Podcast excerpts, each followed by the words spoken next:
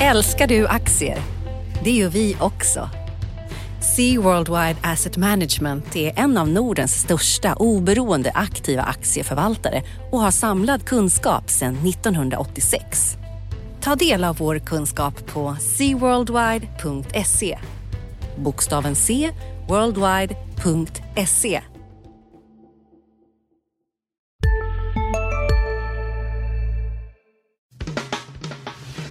Analyspodden från Dagens Industri.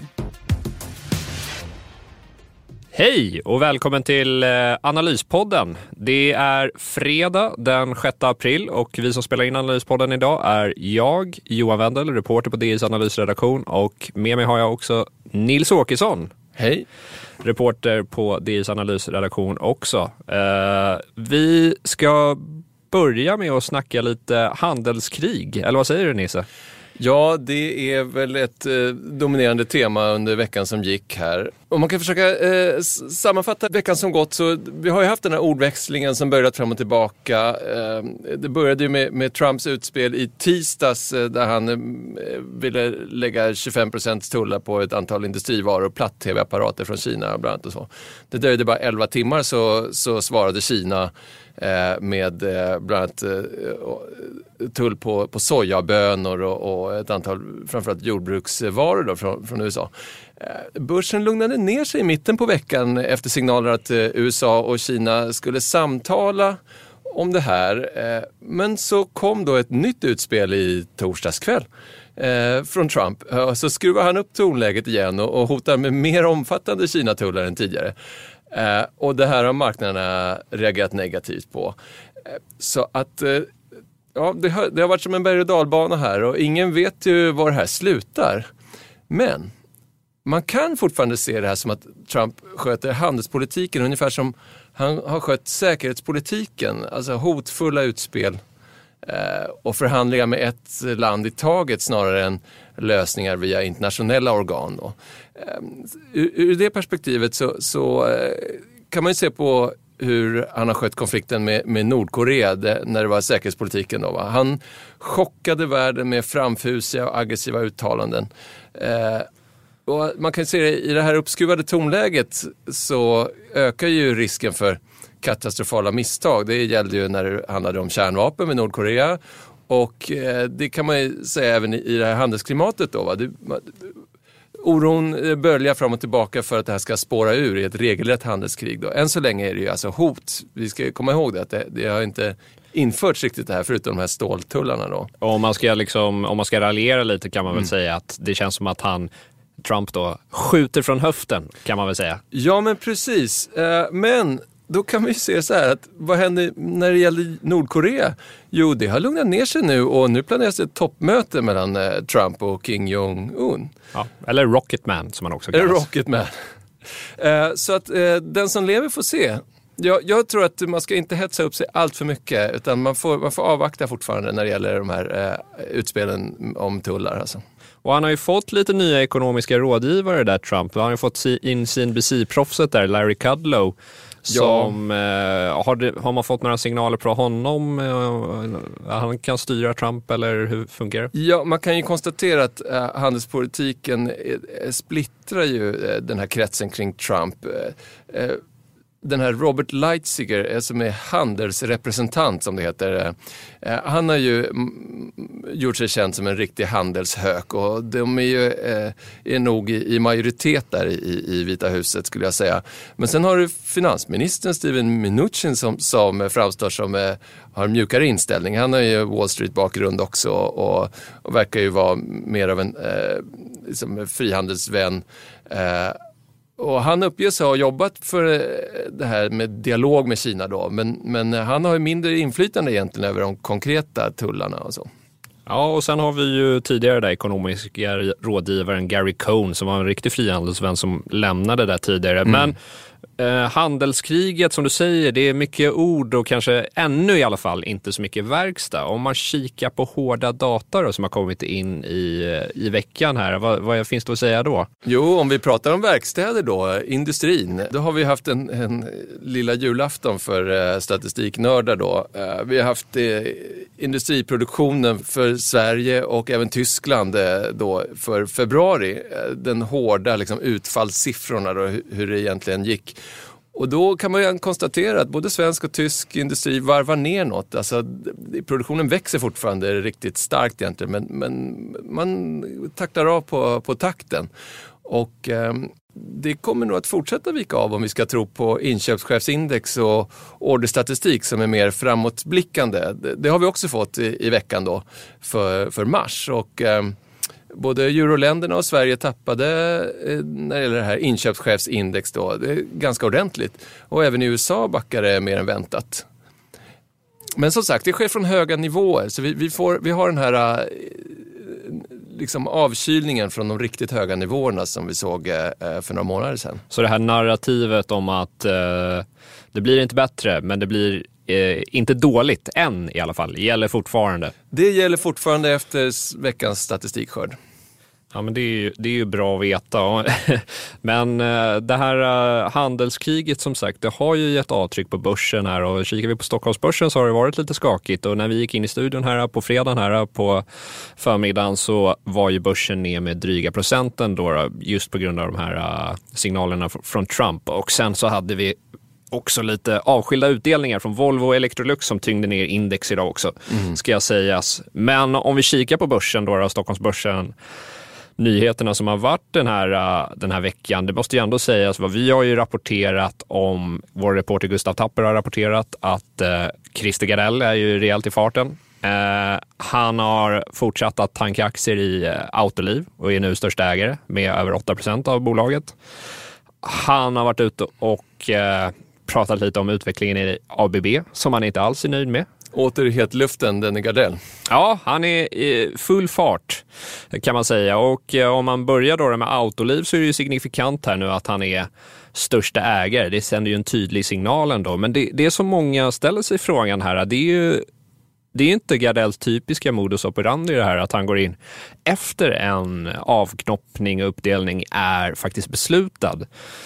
Så att, eh, ja, Frågan är vilken uppsida han ser. Och, samtidigt som då eller bilförsäljningen och, i USA visar tecken på att eh, takta av. Så att, eh, å andra sidan har ju Autoliv-aktien gått starkt eh, här eh, det senaste året, alltså, eller halvåret i alla fall, och gått upp från 809 dollar till ja, dagens nivåer kring 1200 där. Så Nej, att, men det är de här frågorna som man ju hemskt gärna vill ställa till, till herr Gardell vad, det, vad är det som ska lyfta eh, de här Autoliv, det blir ju två aktier så småningom, vad är det som ska lyfta dem eh, ytterligare då? Eh, han går in på, på en hög nivå, eh, helt klart, i, i Autoliv. Ju. Men man kan väl säga att han lever lite som han lär. Det, han brukar ju förespråka renodling, eh, uppstyckning, det har vi ju sett. Eh, och eh, ja, då måste han ju gilla ett bolag som som har den strategin. Absolut, absolut.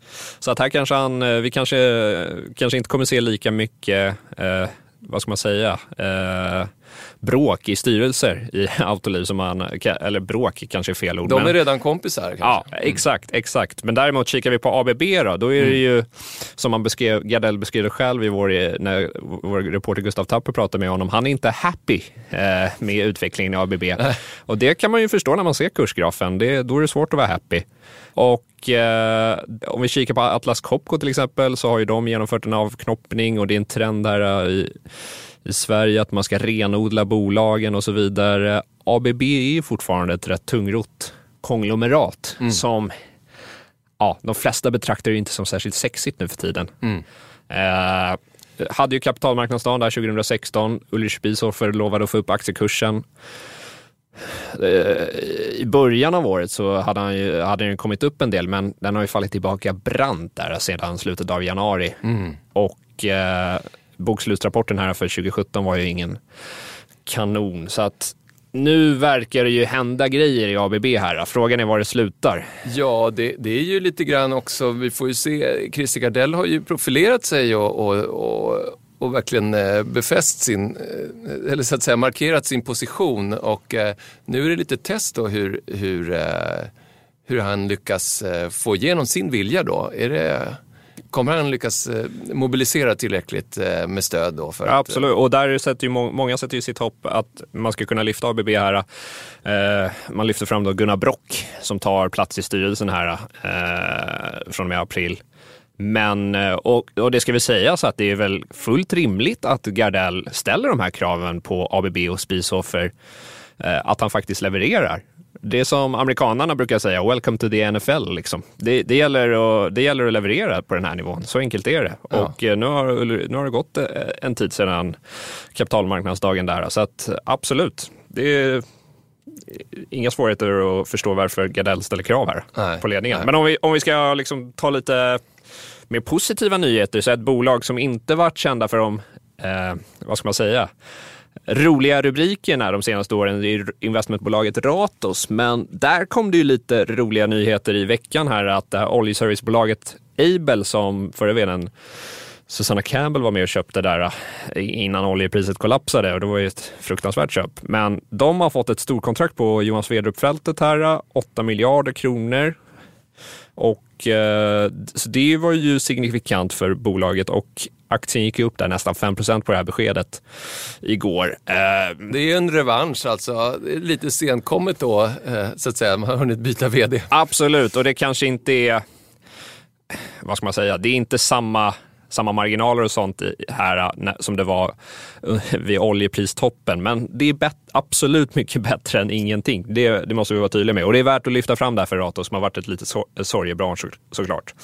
Men eh, om vi ska gå vidare då så är det ju när vi gick in här på fredagen då, så, som sagt, så vinstvarnade ju Qliro mm. på torsdagskvällen här. Och det de säger är att det är en högre andel returer i Nelly som ger förlust och där har man då liksom, man har förlängt det här returfönstret i Nelly från 30 till 90 dagar.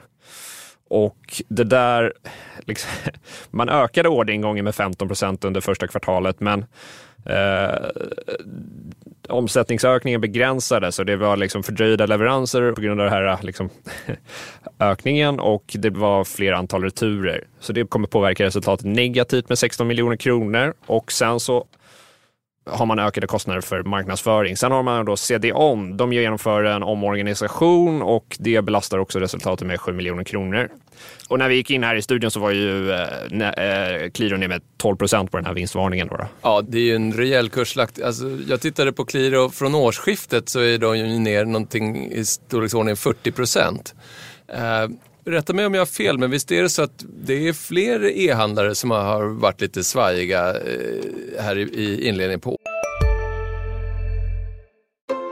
Sista dagarna nu på vårens stora season sale. Passa på att göra sommarfint hemma, både inne och ute. Och fynda till fantastiska priser.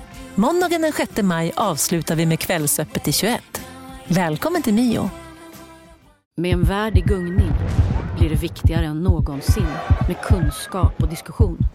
Att värna det fria ordet, för livet och demokratin.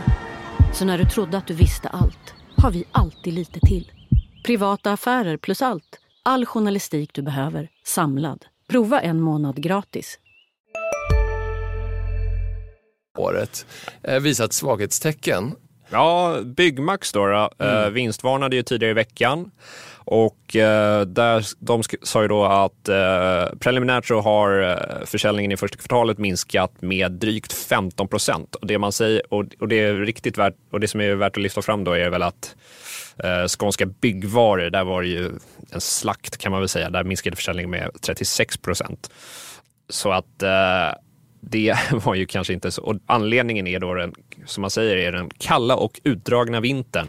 Och eh, det har man väl kanske inga svårigheter att köpa. Har man, titt, har man varit ute någon gång under den här vintern så har man ju sett att den är lång och det är mycket snö. Och då kanske man inte vill renovera altanen.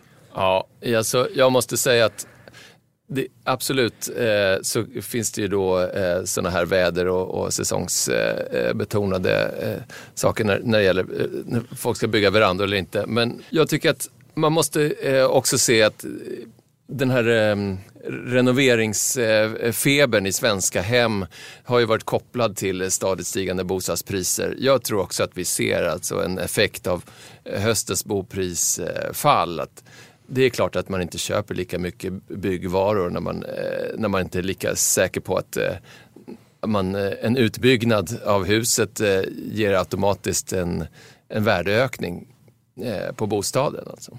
Ja, det, det som, jag är ju inte händig för fem öre, men det som skulle kunna motivera mig är ju, som du säger, om man kan casha in några hundratusen i ökad, ökad bostadsvärde. Ja, men, definitivt. Men eh, vad heter det, om man tittar på nynoterade bygghem här, då skickar det ut ett, ett pressmeddelande å andra sidan med en preliminär försäljningsökning första kvartalet med, eh, eller omsättningsökning med 50 procent, organisk tillväxt på 14 procent det ska sägas, de säger ingenting om vinsten i det här äh, mm. pressmeddelandet, men ändå. Och de var ju noga då med att betona att de lyckats med den här omsättningsökningen trots tufft för konkurrenterna. Så att, men vi får väl se vad lönsamheten ligger på. Ja, nej, jag tror småningom. marknaden är tuff. Sen är det klart att eh, den mest aggressiva eh, prissättaren kan ju ta marknadsandelar, absolut. Och eh, om vi eh, fortfarande är inne på liksom lite preliminära siffror där för eh, Q1 så är det ändå värt att säga att G5 också, Entertainment, där mobilspelsbolaget gick ut i, i veckan här med preliminära siffror för första kvartalet som visade att intäkterna uppgick till 372 miljoner kronor. Och det motsvarar ju då en ökning på 59 procent jämfört med motsvarande kvartal i fjol. Sekvens, sekventiellt, det vill säga jämfört med fjärde kvartalet, så är det en ökning med 4 procent. och det där var ju lite bättre än analytikernas estimat, så det skickade upp kursen lite grann. Eh, och man hade ju också lite lägre marknadsföringskostnader för sån här user acquisition än eh, man tidigare hade sagt. Mm. Då ska vi eh, gå vidare då från börsen. Det är lite amerikanska jobbsiffror som kommer här på eftermiddagskvisten. Ja, eh, nu spelar vi in det här på förmiddagen innan siffrorna släpps och de flesta som lyssnar kanske eh, har, sitter med facit i hand. Eh, men jag tycker man kan eh, konstatera att eh, den här jobbstatistiken då eh, Eh, under flera år så har den ju varit eh, en, en höjdpunkt varje månad så, som den släpps eftersom eh, eh överraskande styrka då i, eh, i USA-jobben och, och löneökningstakten. Det har ju spett på spekulationer i snabbare räntehöjningar från centralbanken Fed. Men eh, nu kan man konstatera att nye Fed-chefen Jerome Powell, han har ju pekat ut en fortsatt urstark arbetsmarknad. Han säger att eh, löneökningstakten den kommer eh, gradvis att stiga. Han sa ju nu senast att arbetslösheten den kommer fortsätta sjunka från dagens 4% ner till 3,6 procent. Det här är 2019 då. Men det skulle vara den lägsta nivån sedan 1969. Så att då kan man ju tycka att då måste ju den här statistiken överraska något enormt för att eh, marknaden ska börja oroa sig för att Fed ska öka sin räntehöjningstakt än den som man har sagt. Då. Man kan säga att Fed har i, prisat in att eh, jobbsiffrorna kommer fortsätta vara urstarka. Ja, och jag, blev så förvånad senaste Fed-beskedet där man såg prognoserna när de hade den här siffran på 3,6 mm. procent arbetslöshet framöver. Och så är det ju inflationen då, de mäter ju inte KPI utan det är ju det här PCE, eller hur? Mm, mm. Eh, som är strax över 2 procent bara, får man mm. säga, med en sån urstark arbetsmarknad. Ja. Det är ganska udda.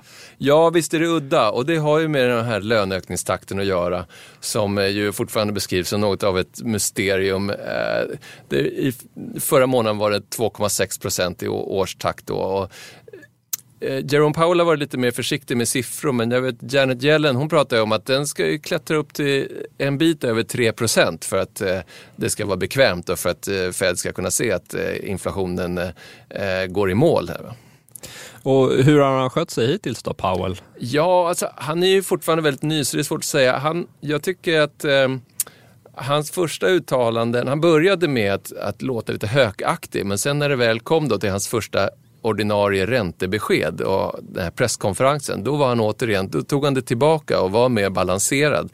Eh, spekulationerna gick ju höga om han skulle växla upp höjningstakten då till fyra räntehöjningar eh, totalt i år. Eh, istället för tre som man har sagt eh, under en lång tid. Men det ligger fortfarande kvar vid de här eh, tre. Va? Eh, och det trots att eh, man höjde tillväxtprognosen eh, med hänsyn till till exempel Trumps skattesänkningar och så, som ger en boost. Och sen så var han då, hade han den här offensiva arbetsmarknadssynen att det kommer bara bli bättre och bättre. Ja, vi, vi, får se vad det tar vägen. Hittills har ju Trump inte twittrat någonting om honom. Så att, det, Eh. Det är kanske ett bra tecken. ja, vi får se om det håller För i. honom, för Jerome Powell alltså. Ja. Eh, vi får se var det slutar. Men eh, om man kikar då på nästa vecka så är det lite inflationssiffror för Sweden då, då som kommer. Ja, det blir ju ett huvudnummer nästa vecka. Det är mars månads inflation då och då hade vi ju Riksbanken har ju fått svettas lite grann för januari och februari där var, ju, var inflationen oväntat låg, obekvämt låg ur riksbankshänsyn. Då. Lägre än prognoserna lägre, eh, hos Riksbanken och lägre än vad marknaden trodde också. Eh, och nu så är förväntningarna att det blir en rekyl uppåt här. Inflationen når helt plötsligt målet igen, 2 procent eh, tror, tror marknaden och det tror Riksbanken också. Eh, men eh, underliggande inflation eh, tuggar ju på en bit under där. Alltså det handlar ju om att energipriser de slår fram och tillbaka. Nu, nu pressar de upp eh, eh, inflationen igen. Och skulle vi få en till månad med så här svaga inflationssiffror så, så blir det ju tydligare den här... Ja, då, då spricker Riksbankens ränteplan. Ja. En till siffra här som är ett par pinnar under eh, Riksbankens prognos. Då har vi ett helt kvartal eh, av prognos, kraftiga prognosmissar. Då blir det ingen räntehöjning i, i början på hösten som Riksbanken har sagt i sin räntebana. Det, för från början var det ju tänkt med räntehöjning i sommar, eller hur? Och den ja, har man skjutit precis. fram. De har försiktigt skjutit fram den från sommaren till under andra halvåret, så där början på hösten. Eh, men det är ju flera prognosmakare som redan säger att det, där, det har redan spruckit. Det, det kommer inte bli något förrän efter, bortom eh, årsskiftet. Flera bankekonomer som säger det. Och jag tror att eh, om den här KPI-siffran blir överraskande låg, då då kommer vi få höra eh, en, eh, ett fotbyte från Riksbanken också. Och man undrar när på allvar deras penningpolitik riskerar att ifrågasättas. Alltså vi har ju skrivit om... Ja, det gör den. Den blir ju ifrågasatt dagligen. ja, ja absolut. I eh, Dagens Industri i alla fall. ja, jag tänkte säga det. Vi har ju skrivit en hel del om den svaga kronan. Mm. Eh, vår krönikör Henrik Mittelman skrev om det och eh, vice riksbankschef Per Jansson fick ju svara i en debattartikel hos oss. Mm. Henrik Mittelman svarade i sin tur och kallade eh, liknande Per Jansson då vid Bagdad Bob. Eh, så det har varit heta tongångar kring det här verkligen. Ja, det får man ju säga. Eh, jag, jag eh, tror att Riksbanken kommer nog inte liksom att eh, ompröva sin fundamentala syn i, i på eh, i närtid. Utan det är den här inslagna linjen som, som gäller. Det är, man ska upp till inflationsmålet, den ska stadigt ligga på 2 eh, Allt annat vore eh, väldigt märkligt.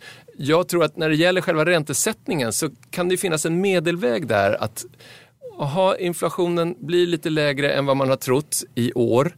Eh, man kanske måste eh, på något sätt mjuka upp eh, räntebanan ytterligare ett steg kan vara att man höjer i ministeg. Men man markerar att nu är det dags att börja höja.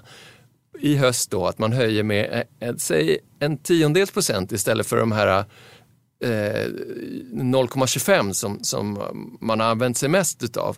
Och då skulle man liksom både visa att vi tar hänsyn till att eh, inflationen har halkat efter igen men vi visar också att det är, vi blickar mot en normalisering. Vi, vi har påbörjat den här resan. Eh, så det är, det är man kan säga en kvalificerad gissning från min sida, om inte en prognos. Så tror jag att det kan vara en variant som vi kan få se i höst. Ja, och eh, jag ska inte komma med några kvalificerade gissningar på det här området. Däremot så måste jag ändå slänga in lite kvalificerad kuriosa. Och det är ju då, Och det är ju då att Bagdad Bob, eller Mohammed, Mohammed Said As-Sahaf, han har ju varit ambassadör i Sverige en gång i tiden. Eh, jag tror det var på 80-talet faktiskt. Jag var bara tvungen att dela med mig av det. Tack Så- Johan. så att, men om vi, om vi blickar vidare mot nästa vecka så är det ju också lite tema detaljhandel bland annat. Vi får en rapport från eh, ASOS, vi får lite statistik från Clas Olsson, kommer lite boprisgrejer då vad heter eh, SCBs bro, boprisindikator kommer. För, för, förra månaden vände det upp till positivt, det vill säga fler svenskar tror på stigande bopriser än vice versa. Vi får också detaljhandeln nästa vecka. Den är superintressant. För den kommer, jag tror att det är på tisdagen. Ja, okay. Eh, det är SCBs eh, eh, mätning då. I januari var den överraskande låg. Det var en riktig köldknäpp för, för detaljhandlarna, mycket lägre än väntat.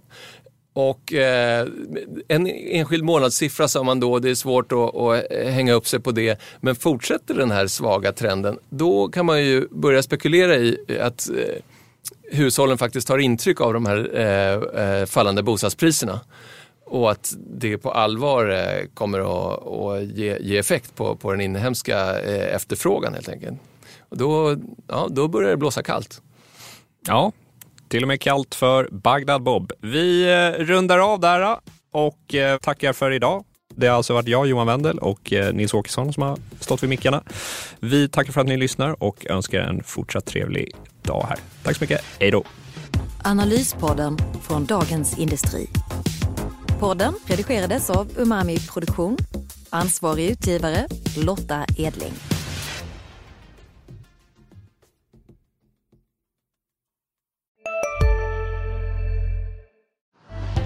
Älskar du aktier? Det gör vi också. Sea Worldwide Asset Management är en av Nordens största oberoende aktiva aktieförvaltare och har samlad kunskap sedan 1986. Ta del av vår kunskap på seaworldwide.se. Bokstaven C, worldwide.se